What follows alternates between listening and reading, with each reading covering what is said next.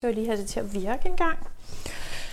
Og så, altså, så fungerer det bare på den her måde, at øh, det er jo lidt en slags efterfødselssamtale. Mm. Men jeg har jo selvfølgelig to ting, som jeg hele tiden sidder og tænker på, nemlig din autonomi, hvordan den kom til udspil, hvordan yes. du oplevede det. Mm. Og så ja, uh, empowerment er mangel på et godt dansk ord, så bruger jeg det engelske ord. Øh, men der, hvor du, hvor du ligesom øh, mærkede din kraft, ja. eller mærkede, at du havde svært ved at bevare din kraft. Mm. Så de to ting bliver jeg ved med sådan at cirkle rundt om. Ja. Og så er der ikke rigtig nogen sådan form for, hvordan vi skal hvordan vi skal gøre, eller hvad vi skal snakke om. Det, er sådan, mm. det finder vi sådan ud af undervejs. Ikke? Men jeg er jo selvfølgelig jeg er jo nysgerrig på de her Ja. to ting, fordi jeg ved, at det har, det har fyldt rigtig meget i din graviditet. Også Helt vildt. På, altså i kraft af din første oplevelse, fordi vi to mødte hinanden, da du skulle have andet barn. Mm-hmm. Men hvis du lige sådan bare hurtigt vil introducere dig selv, så tænker jeg bare, at vi springer ud i det.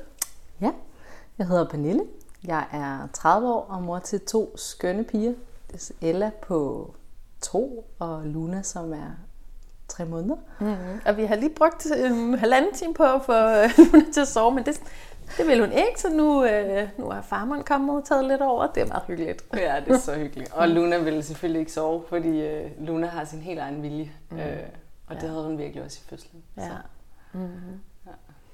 Men måske har du lyst til at starte med at fortælle om, hvad der skete, før du tog kontakt til mig. Altså, hvor du, hvor du var henne. Du mm. var blevet gravid med andet barn. Du havde nogle oplevelser med. Hvor Mm. var du henne der?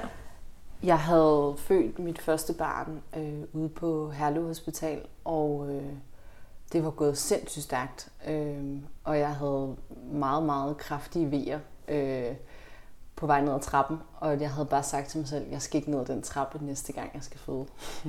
og det var egentlig det, der overhovedet satte gang i. Jeg gerne ville prøve at undersøge øh, markedet for en hjemmefødsel.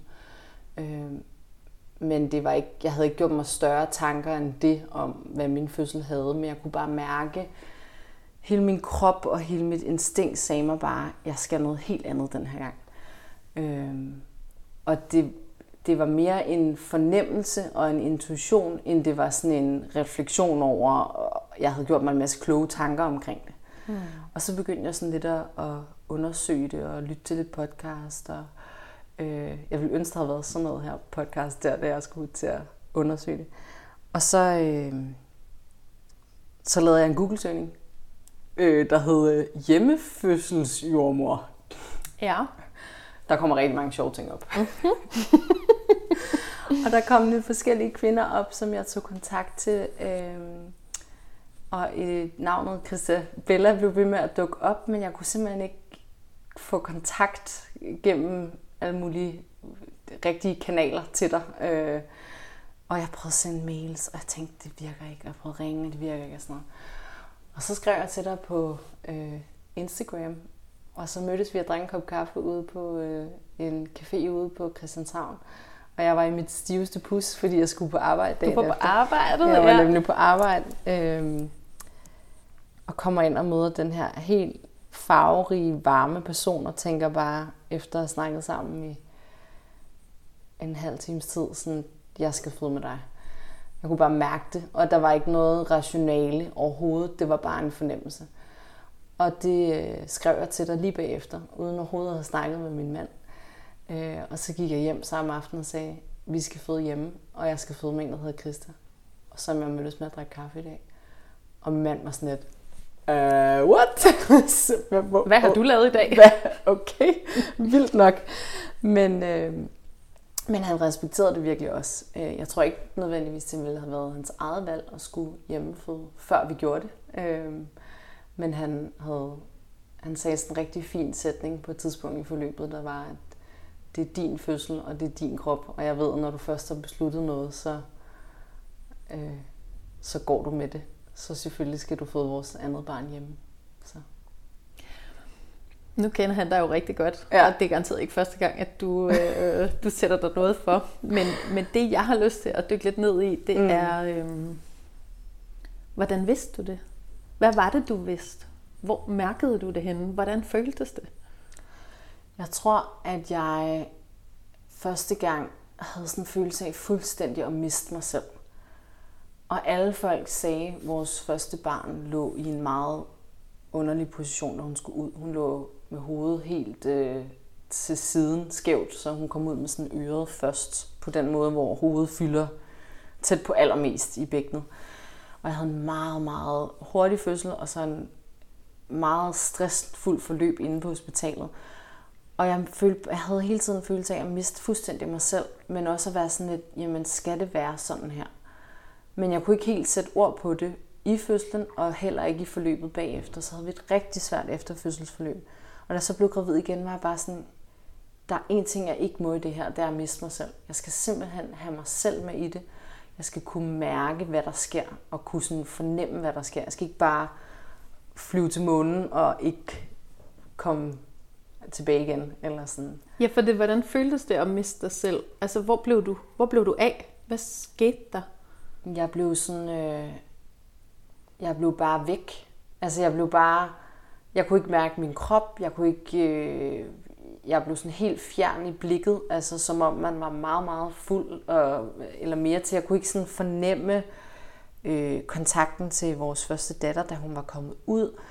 Der skete en masse ind på stuen. Min mor kom ind, fordi hun havde kørt os derud, og det var gået, der var sket så hurtigt og sådan noget. Mathias var der sådan, han kunne slet ikke sådan, min mand, han kunne slet ikke sådan, jeg kunne slet ikke forstå det.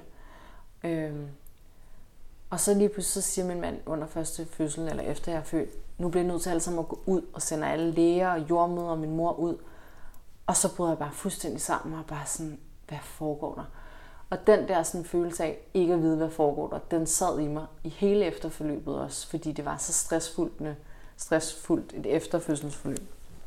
Øhm, og, jeg, og så samtidig var der en masse, der blev ved med at sige til mig, en jordmor inde på hospitalet, og lægerne blev ved med at sige, du var bare så sej, at du var godt nok stærk, og du fødte en baby på en måde, du slet ikke burde kunne føde en baby på, og, og jeg følte mig bare slet ikke stærk, og jeg følte mig bare slet ikke sej. Og jeg havde bare brug for nogen, der krammede mig, i stedet for nogen, der sagde, at jeg var sej. Eller, eller sådan. Og det kunne jeg bare mærke, den her gang, der skulle det fra det der styrke, sej fokus over til sådan meget blødhed og øh, jeg vil, jeg vil vildt gerne sådan omfavnes i det. Jeg vil gerne have lov til at være sårbar, fordi jeg er sindssygt dårlig til at være sårbar, men jeg kunne bare mærke, at jeg bliver nødt til at åbne op for at være sårbar, for ellers så, så lykkes det ikke den her gang. Så det var derfor, jeg ligesom valgte en hjemmefødsel. Ja, for det er lidt skægt, at man, man, man møder jo tit øh, den der retorik omkring fødsler. Ej, så du klarede det vildt flot, eller du var mega sej, eller... Og så det, det er lidt sjovt at høre dig fortælle om, at det faktisk blev modtaget på en måde, som ikke gav dig noget. Altså, det var ikke godt for dig at høre. Nej, for jeg havde egentlig mere behov for, at folk havde sagt til mig, det var godt nok en voldsom oplevelse. Og jeg kunne godt se, at du mistede dig selv, for det tror jeg egentlig godt, folk kunne se. Jeg havde mere behov for, at der var en jordmor, der havde holdt mig i hånden bagefter og sagt, wow, skal vi lige trække vejret sammen? Eller hun har det godt, og det hele er fint, men det må godt nok have været voldsomt for dig. For der var så meget fokus på, jamen, vores første barn har det godt, og hun har det, du fødte, og det var sejt. Og... Men der var ikke sådan nogen, der tog hånd om mig i det. Eller sådan. Og derfor var det der med, du er sej, og du er stærk, og du fødte en på en måde, du ikke burde kunne. Det var sådan, jamen, det kunne min krop jo godt. Og jeg har egentlig ikke på noget tidspunkt i hverken den første eller den anden graviditet haft en ikke tiltro til min krop. Jeg synes, min krop er den sejeste i hele verden, og har altid vidst, at min krop kunne føde. Det har aldrig betvivlet. Men at min psyke kunne føde anden gang, det tænker jeg, det kan den ikke. Den kommer til at gå spille mig et gigantisk pus. Øh. Og samtidig var sådan, at jamen, altså, hvad er det i din psyke, der gør, at du ikke kan føde? Ikke? Så det var vigtigt for mig anden gang at stykke ned i det, og være sådan, jamen, fødselsforberedelse handler ikke den her gang om vejrtrækningsøvelser, eller presseteknikker, eller alt muligt andet. Jeg skal slet ikke nærme mig det. Jeg skal finde ud af, hvad er det, der blokerer for, at det bliver sådan en voldsom oplevelse for mig psykisk. For min krop gør det jo bare. Min krop føder jo bare. Om jeg, om jeg ved det eller ej. Eller sådan. Og tro mig, det vil jeg ikke altid. Men Men det gør den. Der er ikke nogen vej udenom. Nej. Mm-hmm. Ja. Og jeg tror sådan, at, at sådan, det gik bare op for mig, at det der ekstreme kontroltræb, en fødsel er, det der følelse af ekstrem afmagt og ekstrem tålmodighed, du skal udvise, det er fuldstændig i strid med min natur. Jeg elsker at have kontrol. Jeg elsker at vide, hvornår tingene skal ske. Jeg øh, har lister for, hvordan ting kan ske, og to-dos og alt sådan noget. Og lige pludselig så det der med at acceptere, det, du bliver bare revet med, altså revet med, og du bliver øh, væltet bagover. Og det er okay. Det, det var svært for mig at acceptere første gang, og det var den frygt, jeg også havde anden gang. Sådan lidt, wow, jeg skal til det igen. Og når jeg så bliver væltet bagover, hvordan sørger jeg så for, at jeg ikke bare forsvinder den her gang, men rent faktisk er i det, og tager det råt ind, at ja, jeg er blevet væltet bagover, det er okay, eller sådan. Og det blev jeg så også. Jamen lad os, lad os prøve at dykke ned i, nu skal du, nu skal du, du ved, du har truffet nogle beslutninger for, hvordan øh, i hvert fald scenen skal være for din mm. anden fødsel. Og så sidder du tilbage med den følelse af, okay, jeg skal i hvert fald ikke opleve det samme som første gang, hvor jeg forsvinder. Mm. Hvad gør du så? Hvordan forbereder du? Hvordan, hvordan går du ind i det? Jeg tror, det første var at finde ud af, hvad var det, der gjorde, at jeg forsvandt. Og der blev jeg nødt til at undersøge to ting. Og det ene var sådan min hvad sker der psykologisk inde i mig? Og det brugte jeg rigtig lang tid på. Og den anden var at sådan undersøge, hvad, hvad, er det, hvad var det egentlig, der skete under den fødsel? Hvordan forløb den? Så var jeg og læse min journal, og jeg var skrev min fødselsberetning ned igen. Øh, men så begyndte jeg også bare at blive ret interesseret omkring sådan område fødsler. Hvorfor sker det på den her måde? Hvorfor var der nogen, der ville alle mulige ting med mig, lige da jeg kom ind og var ekstremt stresset og meget, meget åben, både fysisk, jeg var 8 cm åben, da jeg kom ind første gang, og øh, meget åben, endnu mere åben, følelsesmæssigt. Hvorfor skal der så så meget stress på lige der?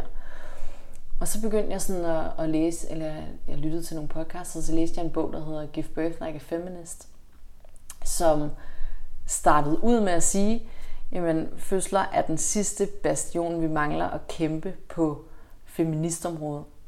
Og som en, den feminist, jeg er, så blev jeg sådan helt, gud, hvorfor har jeg aldrig tænkt over det?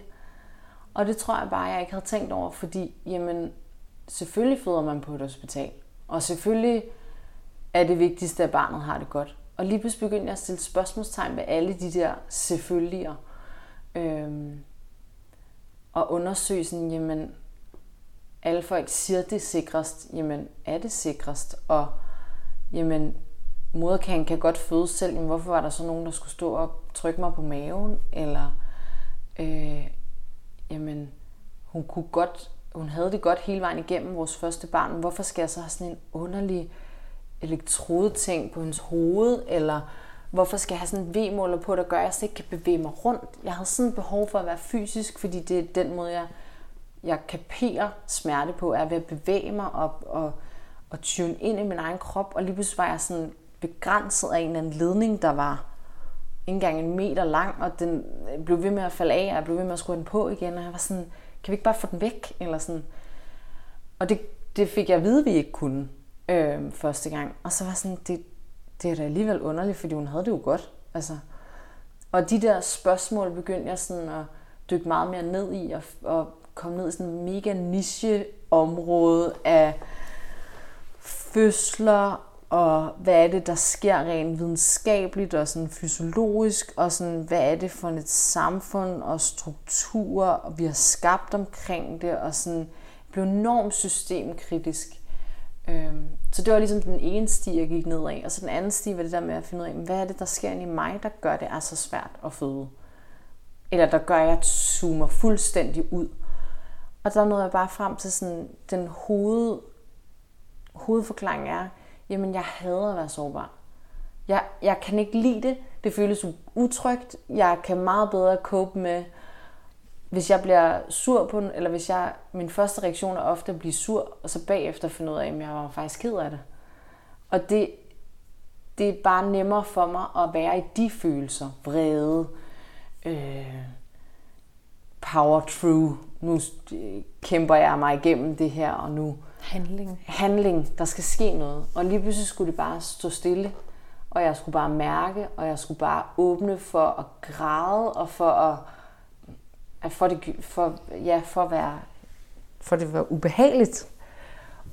Og, og det, altså, bare det at invitere en kvinde hjem i form af en jordmor og sige, jeg har brug for dig, det var sindssygt grænseoverskridende. At skulle læne sig så meget ind i et andet menneske og sige, jeg har simpelthen brug for dig. Der var på et tidspunkt, øh, lige før jeg skulle føde, hvor vi var lidt bange for, om jeg kunne nå at føde med dig af nogle forskellige årsager. Og jeg blev bare så ked af det, for jeg var sådan, jeg, jeg har simpelthen brug for at føde med dig. Og sige det var i sig selv helt vildt grænseoverskridende. Fordi det var så svært at få over læberne det der med, jeg, jeg har brug for hjælp, jeg, jeg, vil, jeg har brug for at være sårbar, jeg har brug for, at der er nogen, der holder mig. Øh, og det var sådan set det samme i fødslen, da jeg ligesom var i den. Altså det der med, der var hele tiden en diskussion mellem den der, jeg kan godt, jeg er sej, og det er fint, og sådan sige, du må godt græde, du må godt sige af, du må godt råbe, hjælp, hjælp, hjælp, fordi det, det er en voldsom oplevelse. Og det hjalp mig helt vildt der noget der til at bare sige, okay, nu gør vi det. Nu lærer vi os helt ind i det. Øh, og det var nok også det, der ligesom gjorde så, at hun i sidste ende ville ud, da jeg endelig overgav mig. Ikke? Og jeg troede, jeg havde overgivet mig mange gange undervejs i forberedelsen. Og jeg troede, jeg havde endt med at gå over tid. Jeg troede, jeg havde brugt masser af tid på det, da jeg var gået de der dage over tid på ligesom at, at give slip og åbne op og være klar og være sårbar. Og det, det havde jeg bare ikke. Og jeg troede også, jeg havde, da fødslen startede, og det bare jordnede derud af med 100 km i timen, ligesom sidste gang, så var jeg sådan, at det kender jeg godt det her, der har jeg været før. Der troede jeg også, jeg kan slippe. Det, det gjorde jeg ikke. Det var først, da jeg mødte præcis det samme sted som i min første fødsel, hvor at der ikke skete noget. Og vi bare stod helt stille, og det gjorde rigtig, rigtig ondt stadig, og jeg skulle bare være i det. Og jeg anede ikke, om det ville stoppe. Jeg anede ikke, om hun lå rigtigt. Jeg vidste ikke, om hun kom ud. Og jeg betvivlede alting. Og jeg græd, og jeg var så ked af det. Og jeg var så... Jeg, der, jeg råbte hjælp flere gange, og var bare... Det føles... Altså, når jeg fortæller om det, lyder det jo som om, at det var en ubehagelig oplevelse, men det var det egentlig ikke, fordi jeg nåede sådan til på et eller andet tidspunkt at sige, det er okay. Det er det her, jeg skulle hen imod. Jeg skulle hen imod at være så sårbar. Og da jeg så tillod mig selv at være så sårbar, og spise en halv fin, frisk fin, eller mærke. Det var lækkert. Ja. Så, så kom hun. Altså, så, så ville hun godt ned igennem det bækken. Øh, og så, så ville hun gerne ud. Og det var den, den der læring i, jamen du kan ikke kontrollere det. Og det er okay. Og jeg kan huske, der var på et tidspunkt i fødslen, hvor at den der nærmest moderlige omsorg, som jeg havde, ja, som jeg aldrig ville sige, jeg havde brug for, men det viste sig, det havde jeg. Eller sådan, hvor det var en af de gange, hvor jeg havde en meget kraftfuld ved, og det gjorde bare egentlig mere ondt på mig mellem vejerne. Og jeg kunne slet ikke være i min krop. Og så siger min, du, Christa, min jommer, siger, det er okay. Det er sådan her, det er at føde, og det må godt gøre ondt. Og så lagde du sådan en hånd på mit hår og kørte den ned sådan langs min skulder. Og kan huske den der følelse af at blive æget fra nærmest da man var barn, eller sådan noget, var sådan, åh, oh, det var rart. Eller sådan, det var det her, der skulle til for at, at give slip. Eller sådan. Øh, så ja, det var virkelig fint øjeblik. og, og det sjoveste var jo, at da jeg så gav slip, så følte jeg mig jo egentlig sejere, end jeg nogensinde havde følt i første fødsel. Og den følelse af, af sådan ekstrem, sådan, det er mig, der har styr på det, den kom, da jeg troede, da jeg i fødslen havde allermindst styr på det. Fordi jeg var sådan lidt, nå nå, nå, det er bare det. Altså. Og jeg begyndte egentlig også måske at presse, øhm, før jeg egentlig havde pressevejer, men jeg kunne bare mærke, det har jeg lige behov for. Og jeg tror egentlig godt, jeg vidste, at jeg ikke havde pressevejer, men jeg havde bare lige behov for at handle der, og føle mig stærk. Og så var jeg sådan, nå, okay. Og så da de endelige pressevejer kom, så var jeg slet ikke i tvivl om, nu, nu er de her, nu kommer hun, eller sådan. Og den der følelse af faktisk at vide hele tiden, hvad der skete, det var også en helt vild oplevelse i forhold til første gang, hvor jeg kunne slet ikke mærke noget som helst i min krop første gang. Og her der var sådan lidt, du kommer ned, du kommer lidt op. Jeg kunne sådan mærke, hvor hun var henne. Jeg havde sådan den der følelse af samhørighed med mit barn inde i maven, før hun overhovedet var kommet ud. Og var sådan lidt, du kommer nu, og vi skal nok klare det. Og vi er så seje. Altså jeg følte mig virkelig sej der til sidst. Altså. Og da hun så kom, var jeg bare sådan, wow, hvor er det vildt. Altså, øhm. Og det, der var så sjovt, var det der med, at det er jo uinstinkt, og meget af det. Altså, og det, det moderskabet er jo et kæmpe uinstinkt. Eller sådan.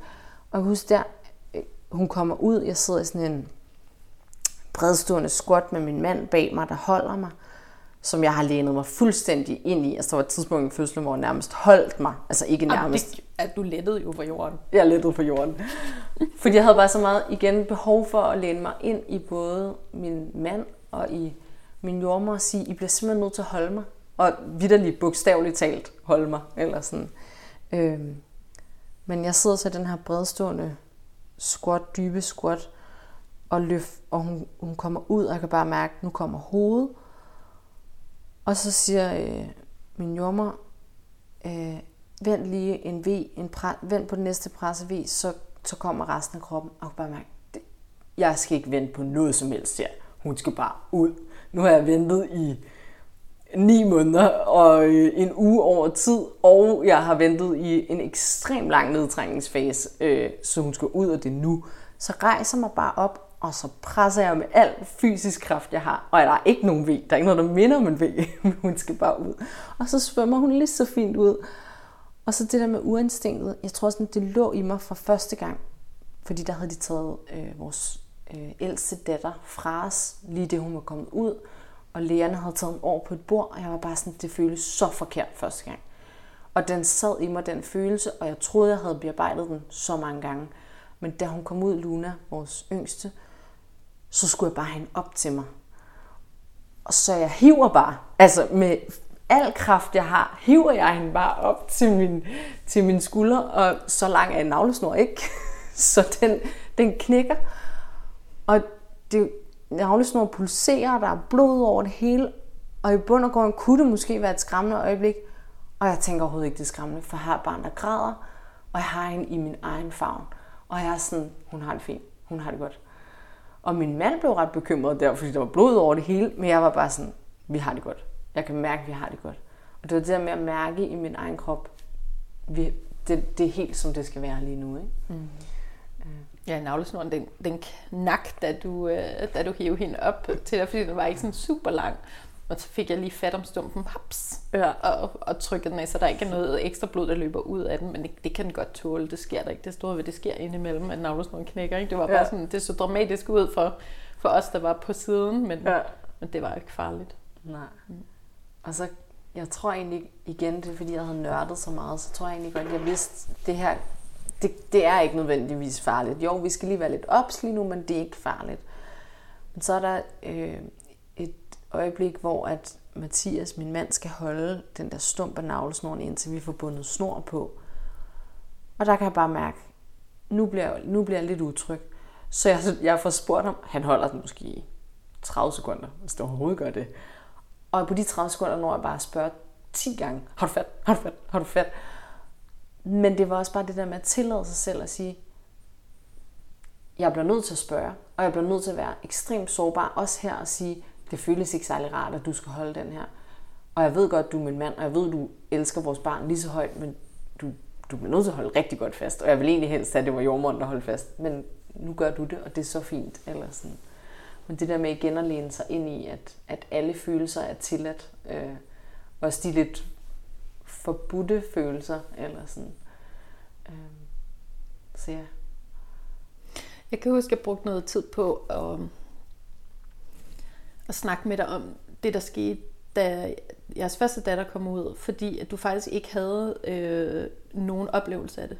Altså, du, du beskrev for mig, når du fortalte om fødslen, at, øh, at du havde pressetrang, du havde, du havde brug for at få hende ud, hun kom ikke ud, og lige pludselig så var hun der. Og det var ja. ligesom om, at det, det gap mellem, at hun skulle trænge ned, og hun kom ud, det var bare, det var helt sort. Du havde faktisk ikke nogen oplevelse af det. Og jeg kan huske, at jeg var meget sådan optaget af, at du ligesom kom hen til det, fordi nogle gange så kan man sådan, så kan man konstruere det på en eller anden måde, men det var simpelthen væk. Mm. Og det var tegn på for mig, at din, din psyke og din ånd har været gået. Fordi det, var, det, der skete med din krop, var for meget, og så dissocierer man bare fuldstændig. Mm. Og så snakkede vi meget om, hvad der skulle ske denne her gang. Men måske har du lyst til at fortælle lidt mere om, fordi nu, nu har du lige beskrevet fuldstændig vidunderligt, hvordan du oplevede, at hun kom ned. Men hvordan, hvordan forberedte du på, på det? For man kan sige, du havde jo prøvet at føde vaginalt en gang før, men du havde ikke nogen oplevelse af det. Så hvordan, hvordan forberedte du at skulle være til stede med det? Mm. Jeg tror meget, jeg prøvede at sådan visualisere, hvordan, hvordan må hun kommer ned, og okay, så roterer hun ned, og så kommer der ud, og sådan, jeg, jeg så også en del fødselsvideoer, hvor jeg altså, så folk, der fødte, fordi det var virkelig vigtigt for mig at se, hvad er det egentlig, der sker. Tilbage til den der med, at jeg havde ikke oplevet det første gang, eller det følte jeg ikke, jeg havde oplevet første gang. Øhm. Og så var det også bare meget vigtigt for mig at sørge for, at de mennesker, der var i rummet, vidste, jeg har ikke oplevet det her første gang. I bliver nødt til at hjælpe mig til at være i det, når det opstår igen. Jeg bliver nødt til at minde mig om, at jeg føder et barn. Jeg havde det vidderligt sådan første gang, at jeg glemte, at jeg fødte et barn. Jeg var bare i smerte. Så jeg blev virkelig nødt til den her gang at være sådan, sige til mig selv flere gange undervejs i fødslen og tjekke ind med både min mand og med øh, Christa, dig og min jordmor og være sådan, hvad sker der? Hvor er hun henne? Er det naturligt? Er det normalt? Føder jeg? Altså, hvad er det her? Eller sådan. Øhm, og så havde jeg også... Øh, altså, jeg havde også... Nu tager vi lige tråden. I forhold til... Øh, når du spurgte... Jo, jeg havde en drøm om at få lov til at mærke hendes hoved, da hun begyndte at komme ud. For jeg var sådan... Det, det var det eneste tidspunkt i min første fødsel, der var nogen, der lige sådan fik mig et, måske 30 sekunder tilbage i verden, det var, da de sagde, prøv lige at mærke hendes hår, det er her. Og så kunne jeg huske, at jeg mærkede ned, og så var jeg sådan, nå ja, vores datter er på vej ud. Det er det, der det er sker. det, der sker. Så havde en drøm om, at det skulle ske igen. Det viste sig bare, at det var sådan set, for det første var det fysisk umuligt den position, jeg sad i, og det var sådan set også fuldstændig ligegyldigt, for jeg kunne mærke hende hele vejen. Jeg var slet ikke i tvivl om, at, hvor hun var henne den her gang. Øhm, så det var, det var ret vigtigt for mig. Mm.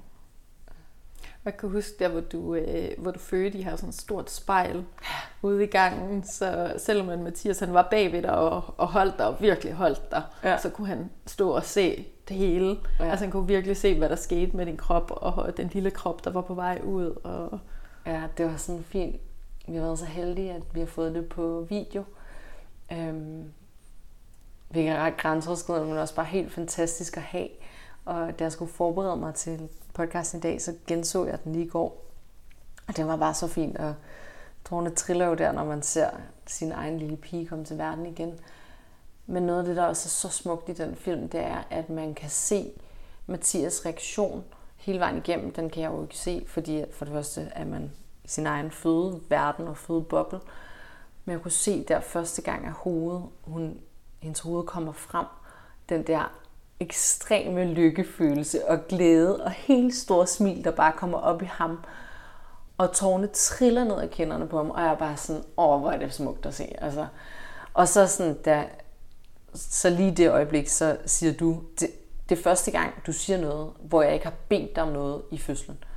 Du har slet ikke været eh, altså, en del af fødslen på den måde. Jeg følte virkelig, det var mig og Mathias' øh, oplevelse, og vi var en enhed, der arbejdede sammen. Og der var, altså du sad bare ude i gang og strak ud. Men lige der, da hovedet er født, og Mathias store smiler, og en tårer triller, der, der siger du noget for første gang, du siger gisp, og så tænker jeg bare, det er mit underliv. Jeg gisper nu. og så gisper jeg. Og så, kan, så føder jeg hovedet, og du kan bare se på filmen, hvordan Mathias ansigt bare sådan lidt, fuldstændig mind blown over, at her kommer et hoved. Ikke? Øh, og det bare så fint. Altså, det var virkelig... Ja, det er virkelig sådan plus, plus, plus, plus. Ja. han ser det, og du ser ham, og han ja. ser babyen, og ja, der var meget. Ja. ja. Det var virkelig smukt. Så tænker jeg, at vi skulle snakke lidt om det andet spor, der rejser sig, fordi der ja. er din personlige rejse i det, som har været... Altså, jeg kan jo føle, din kraft vælter ud over mig. Det er jo simpelthen så lækkert. Og virkelig fedt beskrevet med den dissociering. Øh, det synes jeg kan være svært at sætte ord på, fordi når alle er sunde og bagefter, hvad vil du så mere have? Ja. Men det nytter ikke noget, hvis man er væk. Hvis man ikke er der, så har det kæmpe konsekvenser. Ikke? Ja, måske lige for at sætte knytte på ord på det, så tror jeg også, at vi havde et rigtig hårdt efterfødselsforløb af ja. nogle andre årsager. Der var noget med noget mad, der var noget med noget hoved og sådan med vores første barn. Men jeg kan ikke lade være med at tænke, da jeg blev gravid anden gang, grunden til, at vi også havde et rigtig hårdt efterfødselsforløb, var fordi vi kunne ikke mærke hinanden. Jeg kunne slet ikke aflæse mit første barns signaler, for jeg kunne ikke aflæse mig selv. Jeg kunne ikke mærke, hvordan jeg selv havde det. Så hvordan filen skulle jeg tilknytte mig til et barn, når jeg ikke engang kunne mærke tilknytning til mig selv. Og det er ikke for at sige, at det vil have løst nødvendigvis de ting, der var med vores første barn. Men jeg kunne bare mærke, at jeg har behov for den her gang. Selv hvis der så kommer en ud, der ikke har det godt, så har jeg stadig behov for, at, vi, vi, at jeg kan mærke mig selv nok til også at kunne mærke mit barn. Øh, og det var egentlig det vigtigste for mig, for jeg fandt jo ud af hele det der, at jeg kan godt føde, det kan min krop sagtens. Og de fleste børn, det var jo så også det gode ved at være andengangsfødende, det var, at jeg vidste, jamen, du har haft et lidt hårdt, en hård fødsel og et lidt hårdt forløb bagefter. Men nu kiggede jeg jo på en toårig, der havde det helt fantastisk, og som kunne alt, hvad hun skulle kunne, og havde det rigtig godt. Så der var jo ikke nogen af os, der var døde i det. Men det var bare ikke den oplevelse, det skulle have været. Og det der med også at tillade sig selv at sige, det kan godt være, at der ikke var nogen, der var døde i det, og det hele er på papiret rigtig godt. Men det var godt nok ikke en særlig... Det var totalt dis, dispowerment af mangel på det, dan, på det danske ord, men sådan, det var fuldstændig som at jeg var blevet en lille mus, og tvivlede på, om jeg var god nok mor, og jeg var god nok kvinde, og jeg var god nok øh, arbejdende, da jeg skulle tilbage på arbejde og sådan noget. Og jeg var bare sådan, det er jo ikke mig. Jeg plejer at bruse frem i livet. Jeg har brug for at finde tilbage til den styrke, hvor jeg bruser frem og bliver øh, larmer, fordi jeg larmer, jeg er en person, der larmer, men jeg havde mistet min larm i det der, fordi jeg havde ikke mærket, jeg havde, jeg havde mistet troen på, jamen, jeg må godt larme, jeg må godt fylde, og jeg må godt bede om, hvad jeg gerne vil have. Altså, øh, og det var, det var fedt at finde tilbage til det undervejs i, i graviditeten, i det forløb, vi havde sammen. Men særligt i fødslen, og det har også bare givet mig en enorm styrke i moderskabet bagefter. Fordi jeg må fylde, og jeg må fylde alt det, jeg vil, og jeg må sige fra over for alle de mennesker, jeg vil. Og i det, så ender jeg jo også bare med at blive meget mere blod, og meget mere øh, sårbar, og få lov til rent faktisk at sige, det der, det gjorde mig faktisk lidt ked af det. Eller jeg har faktisk, altså jeg har haft situationer, hvor jeg sidder tudet inde i sengen, og har sagt til Mathias, min mand, jeg aner ikke, hvorfor jeg tuder, og jeg har bare behov for lige at sidde og tude. Og det med at give sig selv lov til det, var, var bare også rigtig rart. Så ja. Ja. Oh. Ja. Det hænger fuldstændig sammen, at hvis jeg skal kunne klare alt, skal jeg også kunne klare at være helt blød, og det kræver noget helt særligt. Det kræver mm. noget fylde i mit væsen, og hvis jeg ikke er der, så, mm. så er der ingenting. Ja. Jeg tror også, jeg har begyndt at se efterfølgende de to fødsler som det var sådan en rejse, jeg har været på som person og som kvinde, og stadig er på, men, men de, de hænger uløseligt sammen, de to fødsler, for better and worse, eller sådan, men, men den der rejse har også bare givet mig en styrke, som jeg vil kalde sådan mere kvindelig styrke. Jeg tror måske før var jeg, havde jeg også masser af styrke, Men det var sådan lidt den samme bit styrke. Det var sådan en lidt, åh, jeg kan godt klare det, og åh, jeg skal bare kæmpe mig igennem, og så lykkes det hele. Hvor nu er det sådan en styrke i, ja, jeg klarer det, og jeg er mega sej. Og det er fordi jeg også tillader mig selv at være mega svag en gang imellem. Og det, den sådan kvindelighed er vildt lækker at opleve. Og det, det er sådan, jeg troede egentlig, jeg var ret kvindelig før, og, og øh, jeg tror også, at man vil betegne mig som værende meget øh, kvindelig og meget øh, højt råbende øh, over for sådan de mere feministiske kampe og sådan noget, men, men jeg er bare blevet kvinde på en helt anden måde. Jeg er blevet født igen som kvinde øh, og fundet ind til, til den styrke, der er i det.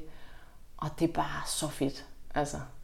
Og særligt i et, i et samfund, der er sådan, jo mere jeg kigger efter, jo mere finder jeg ud af, hvor, hvor mandligt et samfund det er. Eller sådan. Ja, og i virkeligheden for at opbinde det op til der, hvor du lidt startede den her tur, ikke? Give birth like a feminist. Ja. Hov, jamen, der er så mange områder, hvor vi virkelig har snakket om feminisme, og hvor vi har snakket om kvindefrigørelse og ligestilling, og, ja. og så er der bare et område, hvor vi ikke rigtig har noget sprog for, og det er jo i virkeligheden det mest feminine område, der er, ja. at give at give liv og, og være til rådighed for, for livet, fordi vi, vi kan jo ikke vi kan ikke gøre noget, når vi føder. Vi er nødt til bare at læne os ind i og give ja. efter. Og så tur igen tilbage til de der tabuer, man også må nedbryde. Jeg kan huske første gang, det føltes så forkert for mig i perioden bagefter, jeg havde født, og ligesom sige til min... Jeg tror ikke engang, jeg sagde det til min omverden. Jeg tror kun, jeg sagde det til mig selv, fordi jeg turde ikke rigtig sige det højt. Men at sige sådan, jeg har aldrig følt mig så langt væk fra min mand, som lige efter jeg havde født første gang. Jeg følte, vi levede på hver sin planet, og i hverdagen levede vi jo sammen, og vi var, han var sindssygt god far, vi var sindssygt gode forældre sammen. Men han havde bare ikke samme sprog, og han havde jo ikke haft samme oplevelse heller. Og det der med at turde sige her anden gang, jeg har brug for, at der er en kvinde til stede, som holder mig i min graviditet, og som holder mig under fødslen, og holder mig bagefter. For jeg har brug for, at der er nogen, der forstår, hvad det vil sige at føde. Du kan, du kan læse fra nu af til juleaften. Jeg kan sætte ord på det, men det er ikke det samme. For du vil aldrig opleve det i din krop, som jeg har oplevet det i min krop. Og mine hormoner er også noget andet end dine hormoner. Og mine hormoner spiller mig et pus 24 timer i døgnet. Det gør dine ikke. Eller sådan. Og det har været så befriende at også bare kunne sige den her gang. Det skabt meget mindre øh, friktion at kunne sige den her gang til hinanden bagefter. Nå, okay, nu føler du, at vi ikke snakker samme sprog, og det gør vi måske heller ikke. Måske jeg skal søge råd og hjælp og omsorg og vejledning hos en anden kvinde lige nu, og det er okay. Mm. Og det har også været et ekstremt tabu for mig at nedbryde, at vi, vi har behov for de der kvindefællesskaber. Ikke? Og det har også været så vigtigt for mig med de veninder, jeg, der har født og føder nu, og bare være sådan tilbyde det der kvindelige, jeg står lige ved siden af dig. Og, og det gør din mand også. Og det gør alle mulige andre også. Men hvis du har behov for, at der står en kvinde ved siden af dig, så er der. mm. øh, så ja. Det var også et tabu, der skulle nedbrydes. Mm. Vi lever meget i sådan tanken om, at faren og moren kan alt muligt sammen, og de kan også alt muligt sammen, men men fødsler er jo også en ekstremt feminin kollektiv begivenhed. Så ja. det kan være svært for det maskuline at, at, at være feminin. ja. ja. Ja, det er også noget forskelligt, jeg havde brug for. Jeg havde brug for, at du lagde øh, hånden på mig og gav mig et blidt, kærligt øh, berøring, hvor jeg havde brug for, at min mand øh, tyrede en knytnæve ned i min lænd og holdt mig fysisk, altså sådan vidderligt holdt fast, når jeg skulle presse imod, og var mit modpres. Men jeg havde brug for hans styrke og den meget maskuline styrke i det. Hvor jeg havde brug for for dig at blive bekræftet i, det, det er rigtigt, det der sker. Og, og det var ikke egentlig fordi, at du var jordmor. Jeg havde ikke, jeg, jeg tror ikke, jeg har tænkt, nu skal jeg lige tjekke ind med en jordmor, om hun har det godt jeg, jeg havde brug for at tjekke ind med et andet menneske, der havde oplevet at føde, er det her virkelig sådan, det skal føles? Skal det virkelig føles så ondt at have vejer?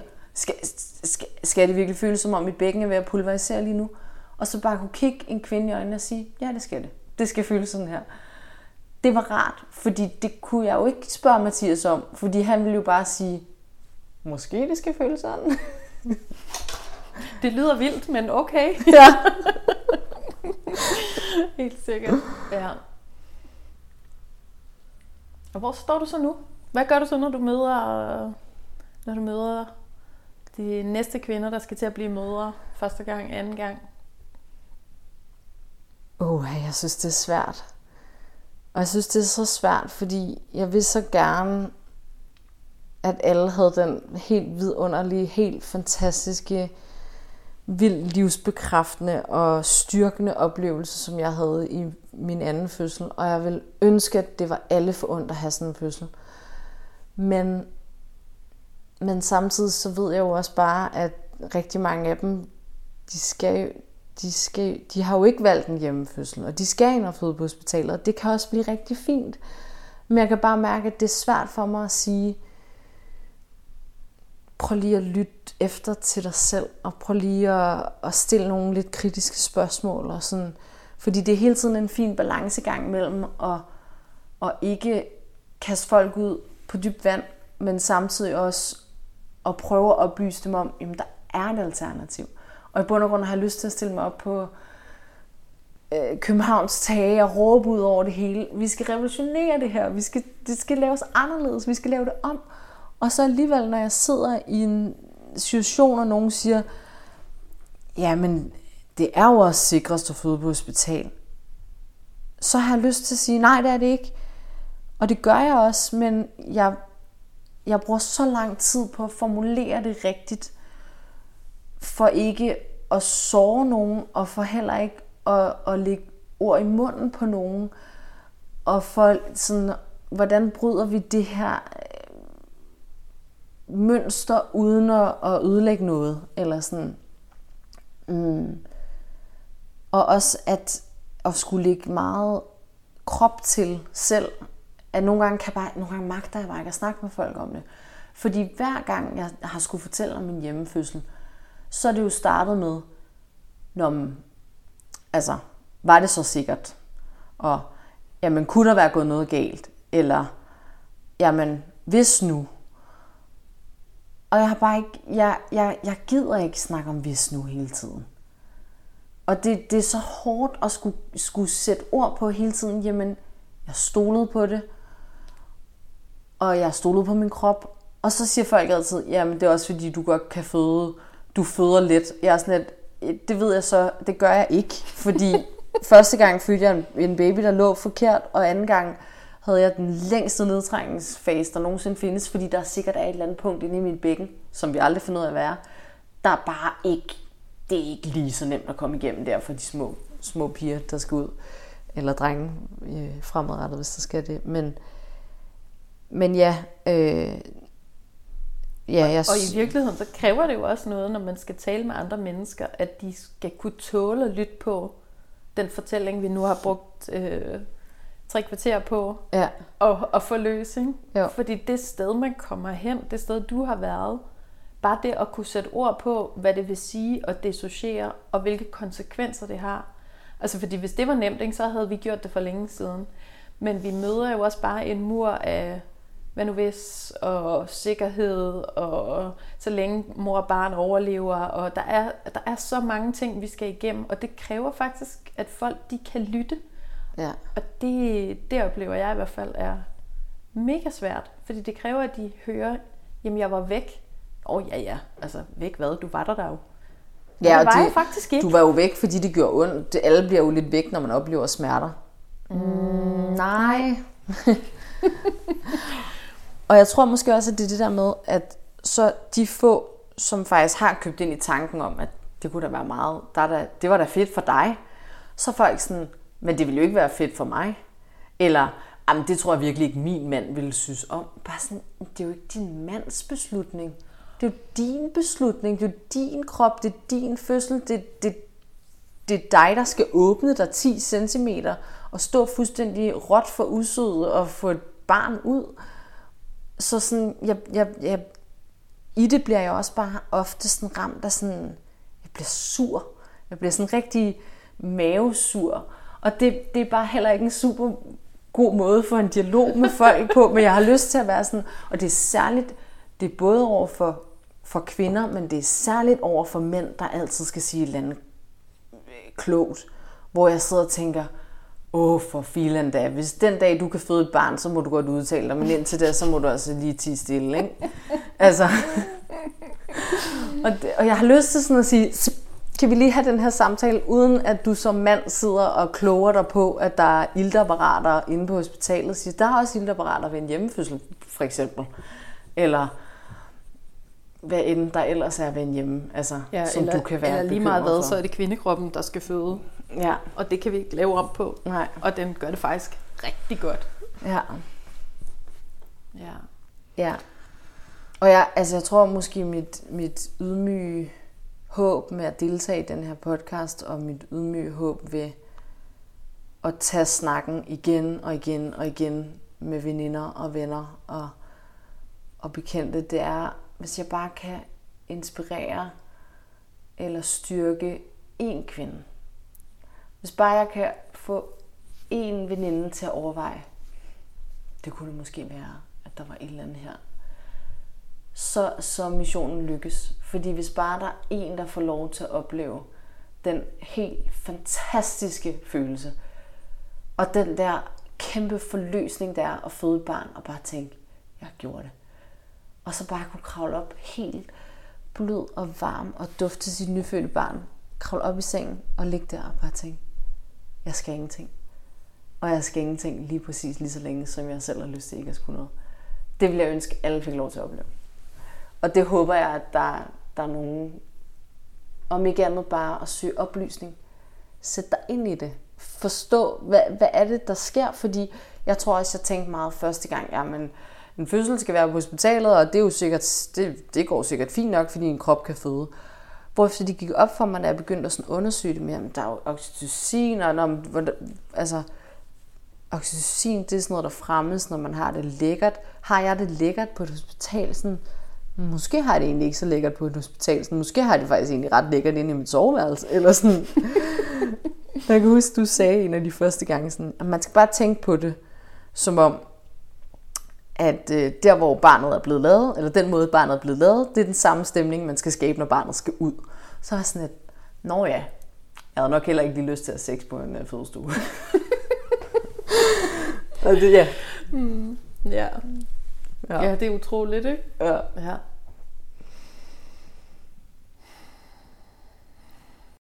Og så dejligt at høre. Ja. Og det var... Det er sjældent, det, det, det er sjældent, man møder et menneske, som reformerer ens verden på så kort tid. Men det var det, jeg følte, at du kunne.